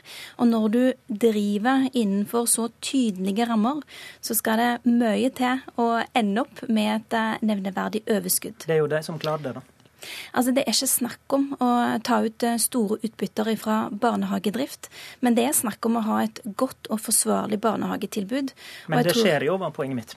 Altså, Det er ikke snakk om. Eh, Det er jo noe av grunnen til at Hvordan skal Arbeiderpartiet forhindre det? Det er grunnen til at vi i vårt partiprogram foreslår så tydelig at man skal stille de samme kravene til offentlige og private barnehager. Enten det er ansatte sine arbeidsvilkår, eller det er kvaliteten på tilbudet til ungene. Og eh, Poenget er jo også at når man opererer innenfor sånne rammer, når du driver på en forsvarlig måte, når dine ansatte får tariff, så er det altså ikke eh, snakk om å drive en barnehagedrift med store utbytter. Er det sånn at du frykter de 3000 private barnehagene, eller noen av dem vil forsvinne, hvis en eh, fører en forbud, forbud mot fortjenestepolitikk? Jeg tror i hvert fall at vi må forholde oss til det som jo er virkeligheten. Vi har jo en tydelig forbudspolitikk når det gjelder utbytte knytta til skole. Men eh, altså, private skoler utgjør 8% av tilbudet, mens private barnehager utgjør 46% av tilbudet. Og man er nødt til å se den forskjellen her. Bergstø, tror du det kan ha innvirkning på hvor mange private barnehageplasser vi har i dette landet, hvis vi gjennomfører deres politikk? Mm. Det det er jo egentlig ikke et spørsmål om privat eller offentlig, men om eh, Jo, nå- nå kommunal var- eller nå- kommersiell. Nå var spørsmålet akkurat det. Tror Ja. du de kan gjøre noe med eh, bli færre enn de 3000 private barnehagene og de 140 000 barna som har like plasser? Men poenget mitt er at vi må skille mellom kommersielle og ideelle aktører. Eh, og Derfor så blir det eh, rart å snakke om privat eller offentlig. Jo, men det er dere som snakker om fortjeneste og profitt på velferden. Det er helt riktig, og det er jo fordi at det er jo en samfunnskamp. Eh, hvordan spørsmål som skal overlates til markedet, og hva som skal løses i offentlig regi. Og spørsmålet Og var, tror du det vil påvirke hvor mange slike barnehageplasser vi har Nei, men Det vil påvirke, påvirke hvor pengene går. og Om pengene går til ungene, eller om de går til profitt. Fordi at striden står ikke mot private barnehager, men om skattefinansierte barnehager skal eh, være varer på et marked? Skal barnehage være butikk? Skal vi si at profittmotiv er et greit grunnlag for å drive velferd eller ikke? Det er det store spørsmålet. Eh, og så eh, brukes det ofte som argument at man må eh, åpne opp markedet for å slippe mange aktører til og få et mangfoldig tilbud osv. Men vi ser jo at det er det motsatte som skjer. Vi ser at de kommersielle vinner over de ideelle, de store over de små. Og vi ser at det er arbeidsforhold, lønn, pensjon eh, som taper for arbeidsfolka eh, som jobber innenfor velferdssektoren. Vi tar miljøkravene til slutt. Eh, SVs miljøkrav handler om Lofoten og om klimakutt. Dere krever utslippskutt på 3 millioner tonn CO2 i neste periode, Bergstø, noe som dere sier tilsvarer utslipp for, fra 1,3 millioner privatbiler. Noe av bakgrunnen for kravene deres er jo erfaringer fra sist. F.eks. at dere skulle ville fjerne barnefattigdom, men dere ble ikke enige om virkemidler. Er ikke det noe av det samme dere gjør nå på klima? Dere krever et tall, men har ikke konkrete virkemiddel i vedtaket? Nei, for det vi sier, det er at vi er nødt til å gjøre det vi kan i Norge. Vi er nødt til å kutte eh, utslipp eh, her vi bor, eh, og bruke eh, politikken som vi sjøl kan bestemme over. Og Da sier vi at eh, vi eh, setter et mål for eh, hvor mye det må kuttes, eller et krav for hvor mye det må kuttes, og at man må bli enig om et klimaregnskap for å få det til. Så Det betyr jo at vi sier hva er målet, og så kan man jo ettergå og se hvordan man skal få det til gjennom gjennom det okay. klimaregnskapet. Så da blir spørsmålet, Tajik, er Arbeiderpartiet positiv til å tallfeste et slikt klimakuttmål? Vi har ikke tatt stilling til det for neste stortingsperiode, men vi har i vårt alternative budsjett for 2017 lagt fram en plan for at vi ønsker å eh, kutte klimautslippene ganske tydelig fram mot eh, 2030. Altså vi tallfester 10,5 millioner tonn CO2-ekvivalenter. Og når da SV eh, har tallet, jeg tror det er 3 millioner tonn CO2-ekvivalenter innenfor en fireårsperiode, så kan jeg i hvert fall si det sånn at det er innenfor rekkevidde å få det til. Det er naturlig å ha en eh, viss progresjon fram mot 2030 for å få til den type reduksjon. Ok, Men Ap vil at målet om eh, de langsiktige målene om utslippskutt skal skje i samarbeid med EU. Kan SV gå med på å nå slike mål i et internasjonalt samarbeid, eller er dere absolutte på at dette skal kun være et eh, innenlands eh, kuttregnskap? Eh, Vi ønsker å samarbeide internasjonalt for å få utslippene ned, men kutt i Norge, det er kutt i Norge. Og det handler om at alle land er nødt til å ta ansvar hvis at vi skal få utslippene ned og redde miljøet. Og så er det i Sånn at kutt i andre EU-land kan ikke føres som kutt i Norge? Når vi sier at vi skal kutte, så er det viktig at det er vi som kutter. Eh, Og det er fordi at hvis alle land tenker at kuttene skal skje et annet sted, ja, så får man jo faktisk ikke utslippene. Tajik, kan dere gå med på denne tankegangen? Vi mener at man må kutte mest der det har mest effekt. Det betyr at eh, samarbeidet med EU er viktig for oss. Samtidig så har jo Norge selvfølgelig en rolle i dette. Og vi har eh, foreslått eh, endringer både knytta til transport, til skipsfart, til et arbeid på CO2-fangst og -lagring, som i sum kan være med på å bidra for òg norske utslipp ned. Takk til Hadia Tajik og Kirsti Bergstø. Barnetrygd og lærernorm får vi ta en annen gang. Eh, Dagens tre politiske stikkord er objektsikring, stamvei og lærelyst. Objektsikring handler om sikring av viktige offentlige bygninger, som ifølge Riksrevisjonen ikke har vært god nok. Det er høring på Stortinget i dag om dette. Stamvei, fordi det blir kunngjort om Hardangervidda eller Hemsedalsfjellet skal være nordlig hovedvei mellom Oslo og Bergen. Og Lærelyst, det er tittelen på en ny stortingsmelding om skolen som blir lagt fram i dag.